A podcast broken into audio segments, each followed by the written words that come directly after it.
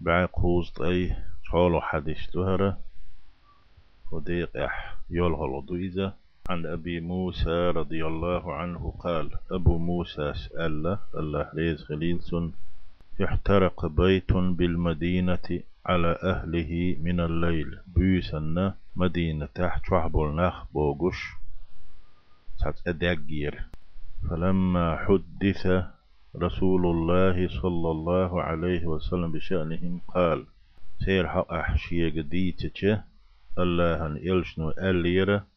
صلى الله عليه وسلم إن هذه النار عدو لكم هرتئ شنا ماستغيو زيادة يشل شهر بوهم بيشل شهر فإذا نمتم فأطفئوها عنكم شين زيادة سديتا شن زين خلر دلاء شاش دعدو يشخينه إتدعي آل متفق عليه دوي حديث بخاري مسلم ديت